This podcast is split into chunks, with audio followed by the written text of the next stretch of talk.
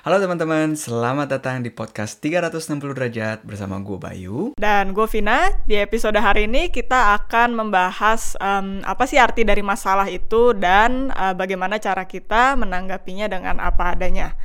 Nah, mungkin sharing sedikit, kalau kalian lihat di dictionary, dari yang gue ambil di Merriam-Webster Dictionary, jadi bahasa Inggrisnya itu sebenarnya problem kan. Jadi problem hmm. itu di situ ditulis kayak uh, difficulty in understanding.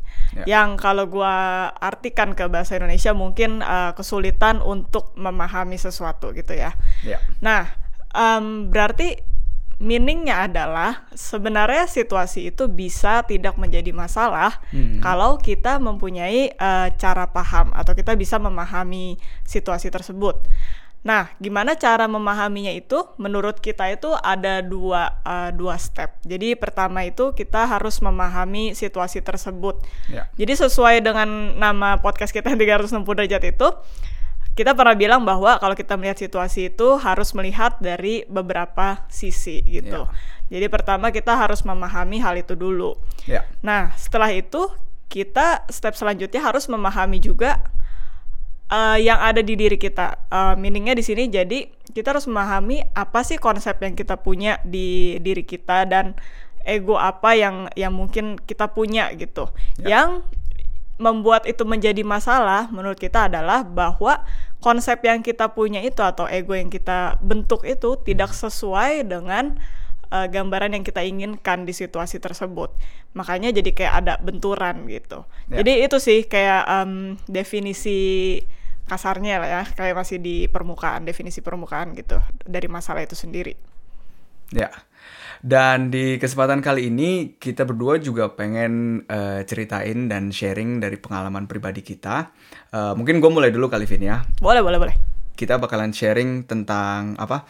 Tentang gimana uh, eh, gue waktu itu ada sebuah situasi uh, dan di mana gue bisa ada satu momen di mana gue mulai ngeliat itu sebagai masalah dan tapi gue bisa berhasil belok lagi dan bisa ngamatin itu semua.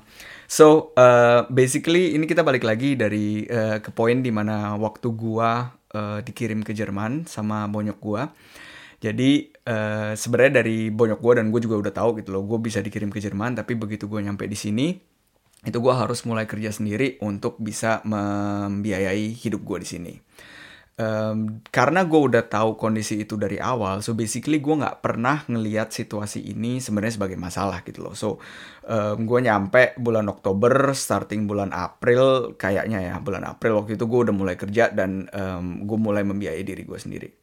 Nah itu sebenarnya fine fine aja gitu loh. Dan gue melakukan segala jenis pekerjaan yang ada. Dari jualan popcorn sampai macem-macem lah pokoknya. Gue selalu nggak membawa jualan popcorn ini sebagai sebagai contoh karena uh, gue tidak pernah menyangka bahwa gue akan menjual popcorn. Dulu gue yeah, jajan yeah. ciki di belakang sekolah tapi gue yang jadi jualan itu gue tidak pernah menyangka itu. Um, well Pokoknya abis dari situ, uh, tiba-tiba ada satu kondisi di mana uh, gue kerja di sebuah mese. Mese itu kayak ada event lah gitu. Gue kerja di gastronomi, di mana uh, nyuci-nyuci piring di dapurnya. Nah, di situ gue juga banyak banget nih anak-anak Indo yang juga harus kerja karena tentunya gue nggak sendirian gue bukan satu-satunya orang yang harus kerja sambil kuliah kan banyak banget yang ngelakuin itu juga gitu loh nah di situ gue punya temen dia juga gawe di situ Hmm. Cuma pas kita lagi ngobrol-ngobrol, dia somehow cerita ke gue, uh, dia kondisi finansial keluarganya lebih baik gitu. Uh, dia cerita ke gue, um, iya baik, gue pengen gawe karena gue pengen beli kamera apa D DSLR apa DSLR, DSLR ya, ha, DSLR. Nah, uh, spiegel reflex gitu lah gitu loh. Nah, di momen itu gue langsung mikir anjing gue gawe buat bayar kos kosan dia gawe buat beli kamera baru gitu kan iya, iya, nah iya. dari dari dari momen itu gue langsung uh, secara sadar nggak sadar gitu ya gue membandingkan kondisi gue dengan kondisi hidup dia atau kondisi hidup orang lain gitu loh. Nah mulai dari titik itu gue melihat situasi gue somehow menjadi sebuah masalah gitu loh menjadi sebuah problem. Dan gue langsung mikir hmm, kenapa hmm. kondisi gue kayak gini ya? Kenapa kenapa dalam tanda kutip ini nggak adil banget gitu ya? Padahal sebelumnya gue I was just like doing my work dan gue nggak bilang itu gampang gitu ya. Tapi itu tidak pernah menjadi masalah because it's just uh, the situation that I have to go through gitu loh. Hmm.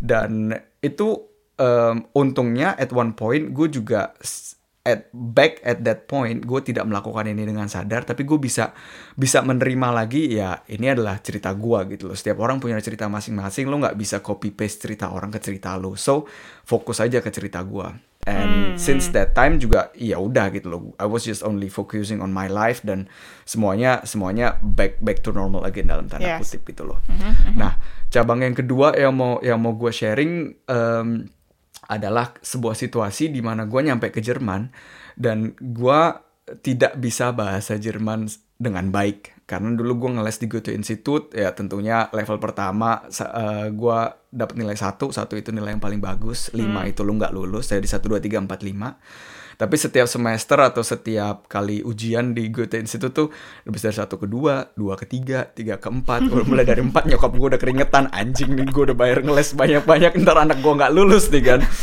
Um, yeah.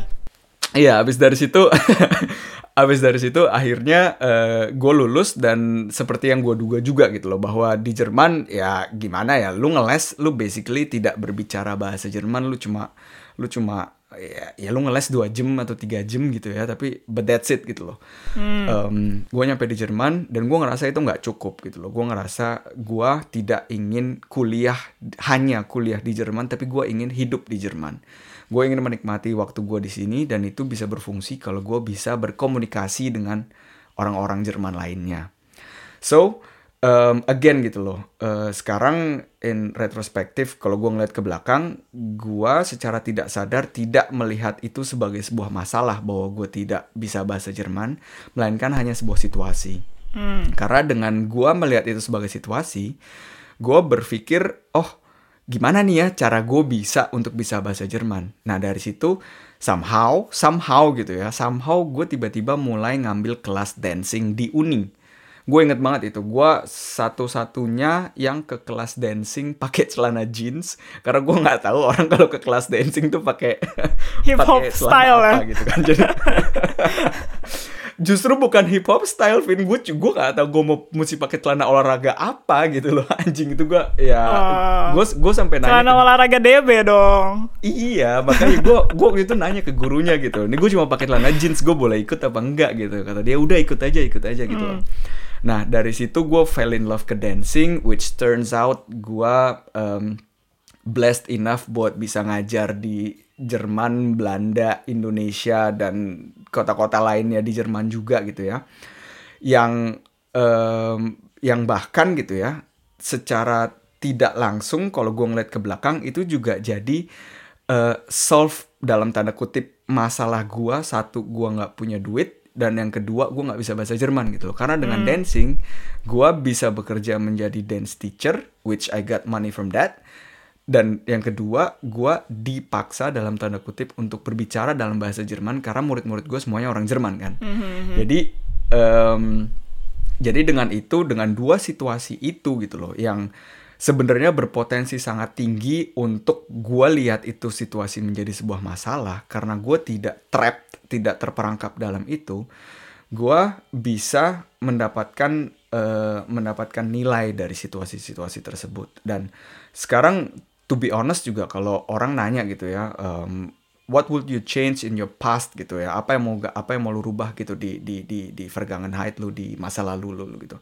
Gue nggak mau ngerubah satu pun gitu loh. Karena justru dari situasi-situasi seperti inilah ya mungkin kalau dari luar dilihat sulit gitu ya. Karena ya memang kuliah sambil kerja itu nggak gampang belajar bahasa Jerman itu nggak gampang gitu loh dan hmm. tapi karena situasi-situasi inilah yang dalam tanda kutip masalah-masalah inilah gitu loh gue bisa menjadi manusia ya dengan versi gue yang sekarang ini gitu hmm. gitu sih itu itu itu itu cerita gue um, gimana ada situasi yang gede gitu ya yang gue tapi tidak terperangkap dalam melihat itu menjadi masalah gitu hmm. Hmm. hmm. Keren keren baik kalau lu gimana Vin sebenarnya kalau dari segi kayak uh, finansial gitu mirip sih mungkin ya karena hmm. kita foreigner kalau dari Indo ke Europe tuh kalau mau kuliah rasanya kayak aduh mesti jadi uh, miliuner gitu. iya. Dulu gue juga inget banget. Iya iya dulu gue inget banget kayak um, gue kan tahun gue hampir 8 tahun di di Austria ya. Jadi hmm. di tahun pertama sama tahun kedua tuh gue masih kayak pakai seluruh tabungan gue plus ya bokap bantu juga lah gitu. Hmm. Nah terus um, ya pada suatu saat kayak di tahun kedua itu gue udah mulai kayak berikhtiar yo berikhtiar. Cie. Eh, kayak mm, gue bilang pokoknya gue nggak mau minta duit lagi gitu ke bokap. Karena ya s- itu mahal gitu. Lu tau lah itu mahal gitu. Bayar kos kosan di Europe tuh mahal gitu Hmm, terus ya udah gue mulai kayak nyari nyari part time job gitu. Gue ngajar. Terus yang paling yang paling seru sih waktu itu gue nyumbang plasma darah. Jadi eh, di di Austria itu ada satu institusi di mana Ya. kalau lu nyumbang plasma darah nah lu itu dapat 15 euro sekali lu nyumbang. Yang dapat kayak 30 sampai 45 menit gitulah nyumbang Ya, plasma ya, ya. darah. Nah terus jadi abis dari situ biasanya gue tiap minggu eh, ke situ abis itu dapat duit pulang gue bisa belanja ke supermarket gitu buat seminggu. Nah jadi jadi dari situ nabung-nabung dikit. Nah terus udah Ya. gitu tapi tetap nggak cukup kan. Jadi gue masih masih mikir kayak em, even udah ngajar gitu gue juga mesti cari kayak part time yang bener-bener gue bisa kerja kayak 20 jam lah paling nggak seminggu gitu. Nah ya udah gue kayak apply ke banyak tempat yang pekerjaan kayak bakery kayak ke hotel jadi resepsionis gitu gitulah nah itu selalu eh even gue udah diundang interview itu selalu terbentur sama yang namanya izin kerja. Jadi di Austria itu kalau lu mau kerja sebagai foreigner yang di luar Uni Eropa, nah lu tuh mesti punya izin kerja. Nah izin kerjanya ini tuh lu harus minta stempel dari perusahaan di mana tempat lu kerja dan lu Oke. apply ke satu institusi gitu. Ya. Nah em, untuk mendapatkan izin itu biasanya tuh lu butuh kayak dua minggu sampai mungkin sebulan gitu. Selama Dan itu? biasanya tiap kali kalau gue udah dapet Iya, jadi kalau gue misalnya udah dapet chance interview gitu ya, terus dia oke bisa mulai kapan gitu. Terus gue bilang, aduh tapi saya belum punya izin gitu. Lah langsung di kayak di reject gitu karena Ya, ya. mereka itu biasanya perusahaan Austria itu nggak mau kalau nunggu gitu. Jadi Ya. mereka pengen punya uh, pegawai yang support gitu. Ya. Nah, udah gitu, gue inget uh, di account bank uh, account bank gue itu udah tinggal pokoknya nggak nggak nyampe buat bayar kos kosan bulan depan lah gitu. Ya, Dan itu ya ya udahlah, maksudnya gue kayak ah ya udahlah worst case ya gue minta duit lagi ke bokap. Even itu kayak harus menurunkan ego gue gak mau minta duit lagi gitu kan. Ya, ya, ya. Terus ya udah akhirnya em, tiba-tiba gitu ada yang telepon gua dari em, bukan perusahaan sih kios ya kios. Mungkin kios bilang ya? Jadi kayak kios Chinese noodle box gitu. Hmm. nah em, dia panggil interview gitu. Nah terus gue bilang oh ya tapi saya nggak punya izin kerja nih gitu. Hmm. nah terus bos gue waktu itu bilang oh ya udah eh, kerja aja dulu izinnya kita urus sambil kamu kerja gitu. Itu tuh rasanya kayak lu udah mau jatuh ke jurang tapi kayak ada yang narik lu lagi dari belakang gitu.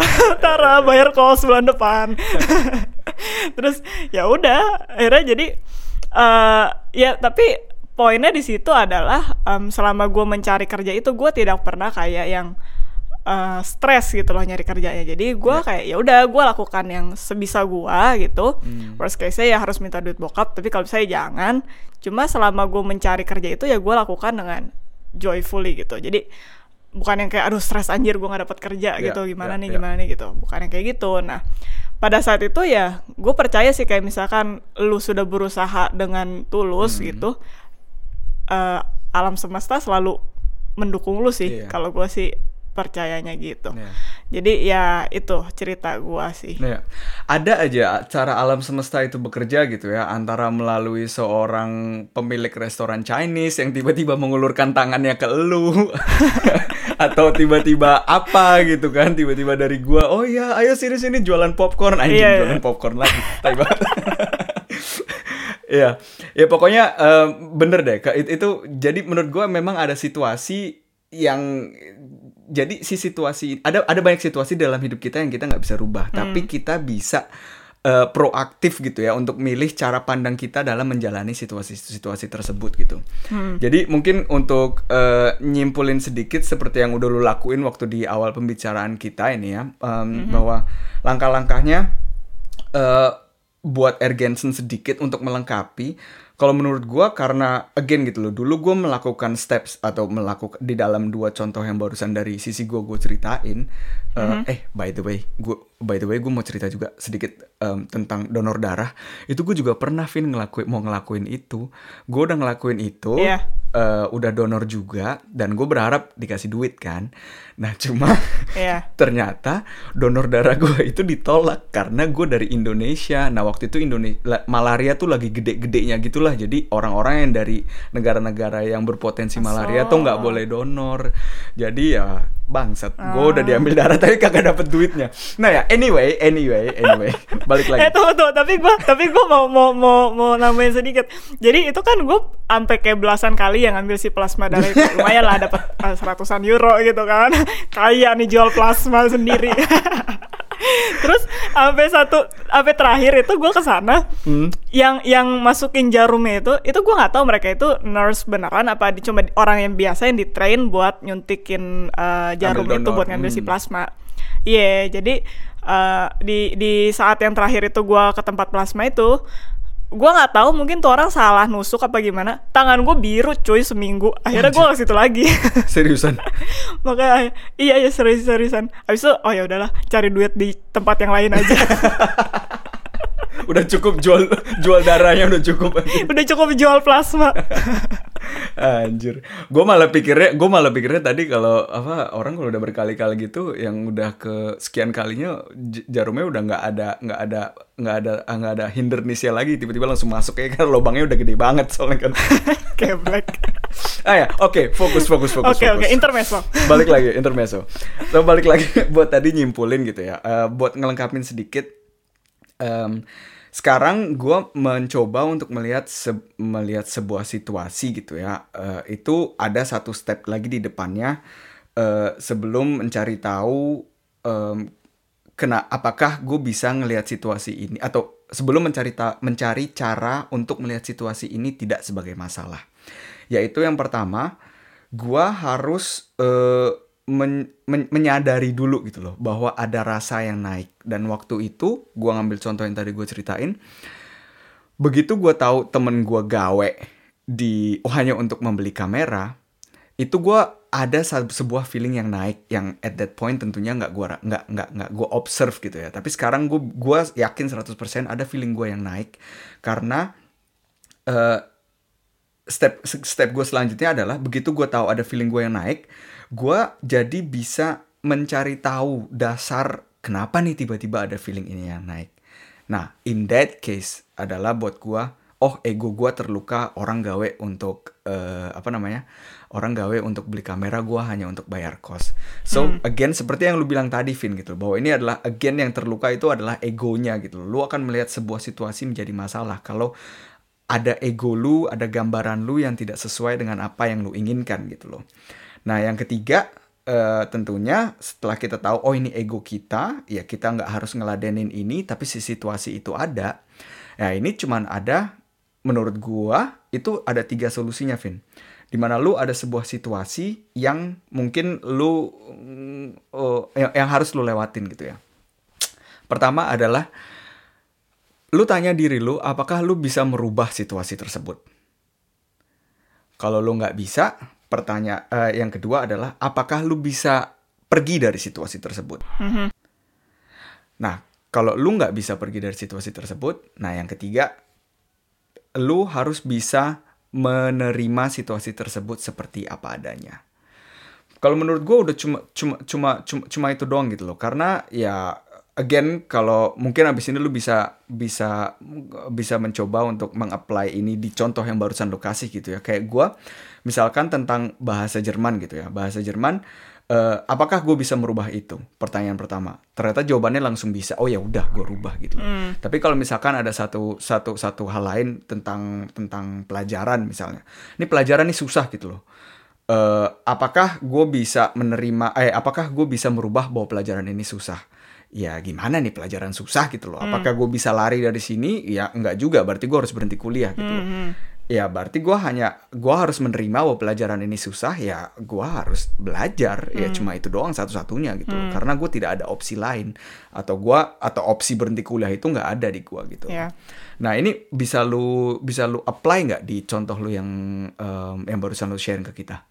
Ya waktu itu sih kalau misalkan merubah Hmm. ya bisa gua rubah situasi itu dengan cara ya mencari kerja itu kan sebenarnya. Hmm, hmm, hmm. Dan tapi kalau misalkan at the end kayak sampai deadline yang gue nggak bisa bayar kos itu gue nggak dapat kerjaan Hmm. em, ya udah gue nggak bisa pergi dari situasi tersebut karena gue harus bayar kosan juga kan harus punya duit so so Hmm, dan ya opsi ketiga yang bisa gue ambil yaitu menerima bahwa gue saat itu tidak bisa mendapat kerja dan minta duit lagi ke bokap tapi turns out jadi gue dapat kerjaan ternyata jadi Iya, ya iya, iya. ya, Nah. ya benar sih step-step itu memang memang benar Tapi tapi tapi mungkin em, mungkin gini ya. em, mungkin kalau lu mm, mau share sama kita karena eh, barusan yang kita omongin tuh faktor eksternal gitu ya. Karena kita omongin dari belajar bahasa Jerman atau kita ngomongin tentang fina- keadaan finansial itu adalah faktor eksternal gitu loh. Nah, eh, mungkin lu bisa share sama kita karena gua tahu lu waktu itu juga ada em, sebuah kondisi yang sangat sulit buat lu pribadi gitu ya. Dan itu adalah satu kondisi yang yang gimana ya yang kalau dalam observasi gua itu adalah sebuah kondisi yang lu nggak ada opsi selain eh, menerima itu gitu loh. Mungkin ya em, gimana ya kalau kita ngomongin tentang hal kesehatan gitu loh dan Boleh, boleh. ya mungkin kalau lu bersedia untuk sharing tentang tentang cerita itu ke kita semua Hmm, boleh boleh. Jadi em, kalau kalian baru dengerin episode ini dan nggak denger episode 0, mungkin gue cerita sedikit. Gue itu dulu kuliah eh, jurusan musik dan gue kuliah eh, untuk jurusan gitar klasik. Jadi untuk pendidikan gitar klasik. Nah, jadi gitar klasik itu udah kayak ya ibaratnya separuh hidup lu gua ya gua belajar itulah gitu. Me- menekuni itu. Dan tahun 2017 em, ada satu momen di mana eh, itu apa ya titik baliknya lah menurut gua. Gimana gue bisa mencapai situasi kayak sekarang gitu dengan diri gue yang lebih eh, apa ya bisa menerima segala situasi dan lebih kuat kali ya kalau menghadapi situasi yang dipandang negatif gitu. Ya. Nah waktu itu tuh gua eh, 2017 gue lagi kayak ikut masterclass jadi itu kayak lu kayak apa ya bilangnya ya Eh, mungkin summer camp gitu kali ya kalau di Oke. di US gitu jadi ya jadi kayak ikut summer camp gitu nah udah gitu di situ tuh ya kita masing-masing harus harus belajar eh, lebih banyak lagi tentang gitar klasik. Kita dapat chance juga buat ketemu kayak maestro maestro eh, internasional gitu dan kita bisa main di depan mereka gitu. Nah pada saat itu gue merasa kayak eh, ini kok ada yang aneh gitu ya kayak tangan gue tuh nggak mau bekerja sesuai dengan keinginan gue gitu. Oke. Nah, udah gitu eh setelah pulang dari summer camp itu, gue kayak ya udahlah latihan biasa aja mungkin kayak kurang latihan lah gitu mungkin ya. Kan anak musik gitu biasanya kalau ada masalah bilangnya ah kurang latihan gitu. Ya, nah, ya. ya udah latihan lagi nih lebih banyak. Nah, terus kok kayaknya makin makin parah ya. Sampai eh gue ada satu masa di mana gue itu nggak bisa main lagu yang simple banget lah yang istilahnya cuma buat beginner oke uh, beginner level pertama lah gitu. Nah, uh, ya udah akhirnya gue kan kayak sharing ke dosen-dosen gue di univ gitu ya kenapa nih kayak gini ya gue nggak tahu nih penyebabnya apa bla bla bla gitu. Terus ya udah sampai em, mereka juga nggak tahu kenapa gitu. Jadi ternyata gue itu kalau gue simpulkan dan uh, melihat simptom-simptoms yang ada dan kayak uh, bertukar pikiran sama orang-orang yang punya situasi sama Ya. itu gue namanya karena yang namanya vokal dystonia jadi tuh kayak sindrom apa ya neuro neuro gitulah. Jadi berhubungan sama eh, nerves lu di otak gitu. Jadi apa yang lu mau mainkan di gitar itu nggak bisa karena jari lu tidak mau mengikuti perintah dari otak lu gitu. Ibarat eh, kasarannya gitulah. Jadi garis besarnya gitu. Ya. dan itu tidak ada sampai sekarang tidak ada obatnya. Kayak lu flu minum obat langsung sembuh gitu itu tidak ada gitu. Lu coba bisa di treatment dan tidak tahu itu kapan eh, bisa balik lagi ke 100% performance awal gitu oke nah ya udah jadi jadi itu sih cerita garis besar ya Oke.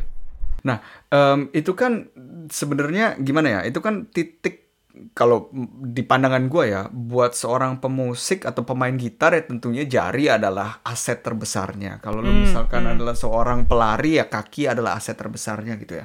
So em, bahkan I would say itu adalah sebuah situasi yang sebenarnya berpotensi sangat besar untuk lu like down like really get down dan untuk bilang anjing gue udah nggak bisa gue udah nggak bisa lagi gitu loh apa yang udah Ya, gue ya, ya. lakuin tuh semuanya sia-sia gitu loh nah em, pertanyaan gua gimana cara lu bisa uh, balik lagi ke ada wendepung bahwa lu bisa menerima se semua itu gitu loh. Hmm, oke. Okay.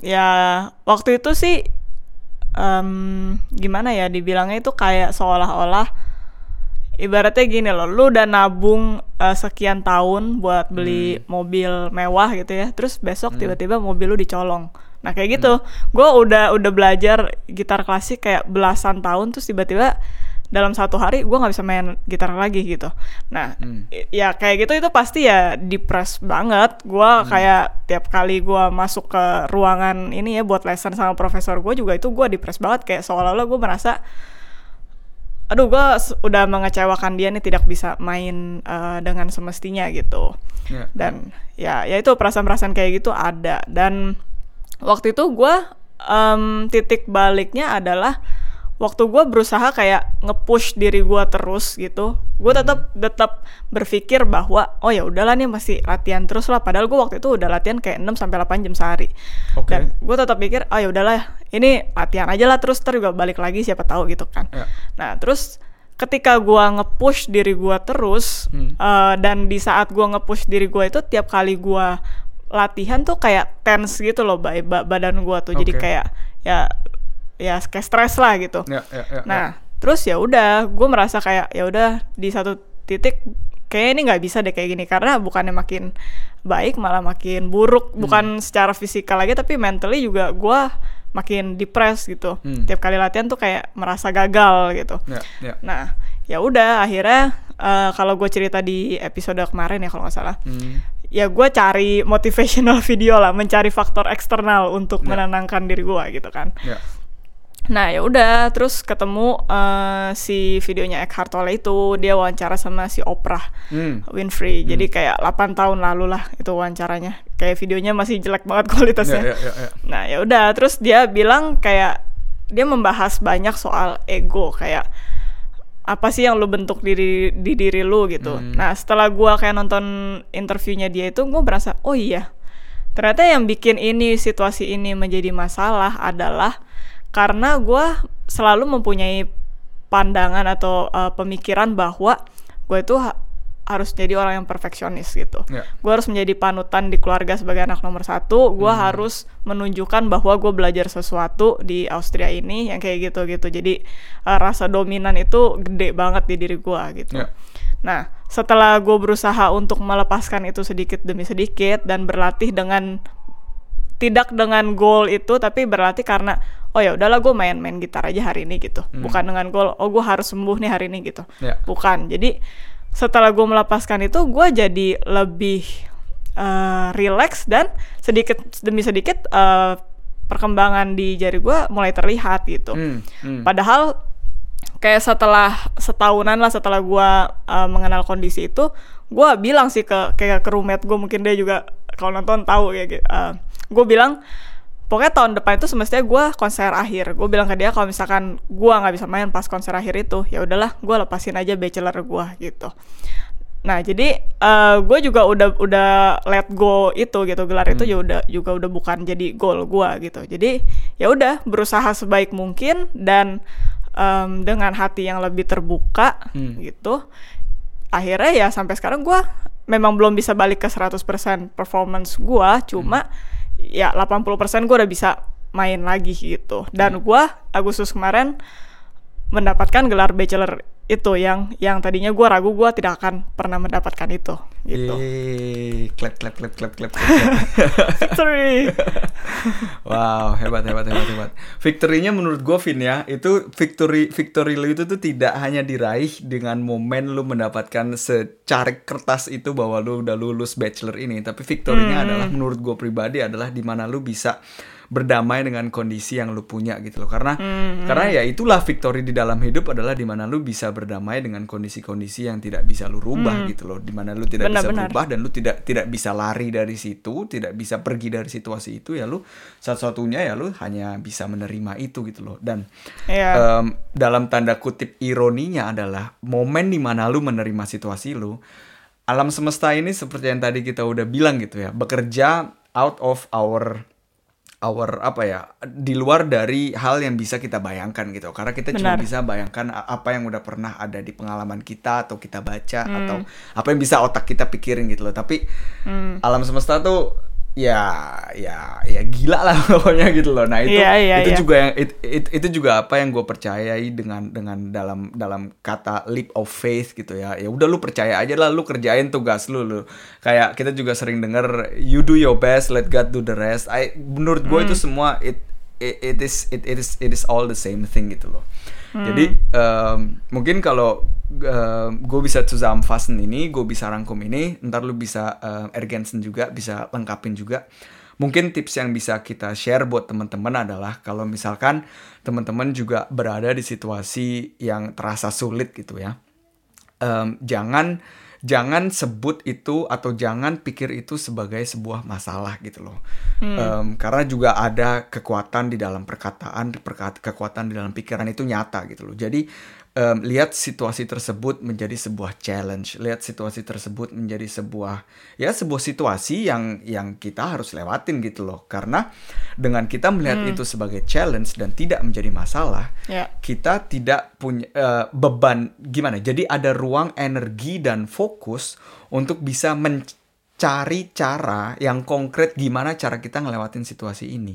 Sedangkan kalau kita ngelihat itu dari awal adalah sebuah masalah, ya lu udah keblokir duluan gitu loh. "Oh, anjing nih susah nih susah nih susah. Benar. Jadi lu kayak spend like 90% of your energy and your time just for saying anjing nih susah. Padahal itu udah obvious gitu loh. Udah- Lu nggak ngomong aja ya situasinya juga tidak akan berubah gitu loh. Iya. Jadi em, ya kalau kita mungkin bisa ngasih tips sih adalah kalau gua pribadi gue ngelihatnya tuh gue berusaha melihat semua ini tuh menjadi sebuah game gitu loh. Ada level-level yang harus lu lewatin ya ya mau nggak mau kalau misalkan gue belum bisa ngelawan bos ini ya gue mesti cari experience gue mesti latihan lagi gue mesti level up lagi dan gue bisa ngelawan bos ini atau dalam tanda kutip situasi ini gitu loh dalam eh, ke depannya gitu loh. Dan eh, dan yang paling penting menurut gue Vin ya yang paling penting adalah seperti dengan bermain game gitu ya kita tuh harus have fun ngejalanin proses ini. Kita harus have fun. Karena again gitu loh kalau lu udah have fun dalam ngejalanin proses ini, mau at the end of the day lu mendapatkan sebuah posisi yang ingin lu raih, atau lu mendapatkan secari kertas urkunde atau ijazah, atau lu bisa mendapatkan apa pun itu,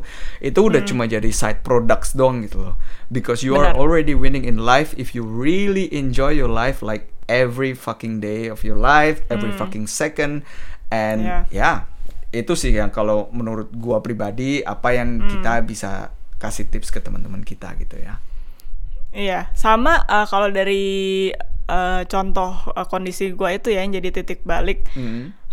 Hmm, hal yang gue pelajari adalah kita itu kadang merasa diri kita itu hanya satu hal gitu. Jadi contoh misalkan kayak gua, gua hanya berpikir bahwa gua itu eh, ya seorang pemain gitar klasik atau pengajar gitar klasik. Nah setelah itu di- diambil dari gua pada satu momen, eh ya hancur lah gitu kan, Ya. Eh, lost jadinya. Ya. Nah, tapi ternyata eh, setelah gue bisa membuka hati dan pikiran gitu, kita itu sebenarnya limitless man. Jadi Setuju. em, kita itu banyak banget hal-hal yang bisa kita explore kalau kita bisa membuka eh, perspektif itu gitu ya. Contohnya kayak sekarang ya gue eh, dulu menganggap kalau gue cuma bisa jadi eh, ya udahlah guru gitar gitu kan. Tapi ternyata gue itu setelah mendapatkan kondisi ini, gue jadi bisa expand eh, kemampuan gue yang lain gitu Ya. gue contohnya gue sekarang bisa kerja di bidang yang lain juga gitu Ya. jadi gue tidak um, um, menutup kemungkinan-kemungkinan yang ada Ya. dan kalau dulu gue awal-awal mengenal kondisi ini gue merasa depressed gitu sekarang gue sih bisa bilang bahwa gue bersyukur gue pernah mendapatkan hal tersebut gitu Ya. karena dari situ gue belajar bukan cuma um, mengenai diri gue sendiri tapi setelah gue mempunyai compassion buat diri gue sendiri gue juga jadi bisa berbagi compassion dengan orang, Orang lain, dan lain. melihat orang lain juga lebih ah, lebih netral dan tanpa judgementnya seperti itu Ya. jadi itu kayak side effectnya dari dari situasi tadi Ya. ya gitu sih jadi mungkin itu pembahasan hari ini kali ya tentang contoh-contoh situasi Ya. dari kita berdua yang em, tidak harus selalu menjadi masalah kalau kita memilih itu bukan menjadi masalah gitu. Kadang gue selalu bilang masalah itu hanya masalah kalau lu melihat itu sebagai masalah. Ya, benar benar. setuju gue, kan? setuju gue. Jadi, mungkin lu bisa, iya, lu iya. mungkin lu bisa ngomong kalimat itu pelan-pelan supaya bisa dicerna oleh teman-teman. Jadi eh, masalah itu tidak menjadi masalah kalau lu tidak melihat itu sebagai masalah. Ya. Jadi lagi-lagi kalau disambungkan dengan judul podcast kita selalu lihat uh, situasi itu dari 360 derajat atau dari sisi lain.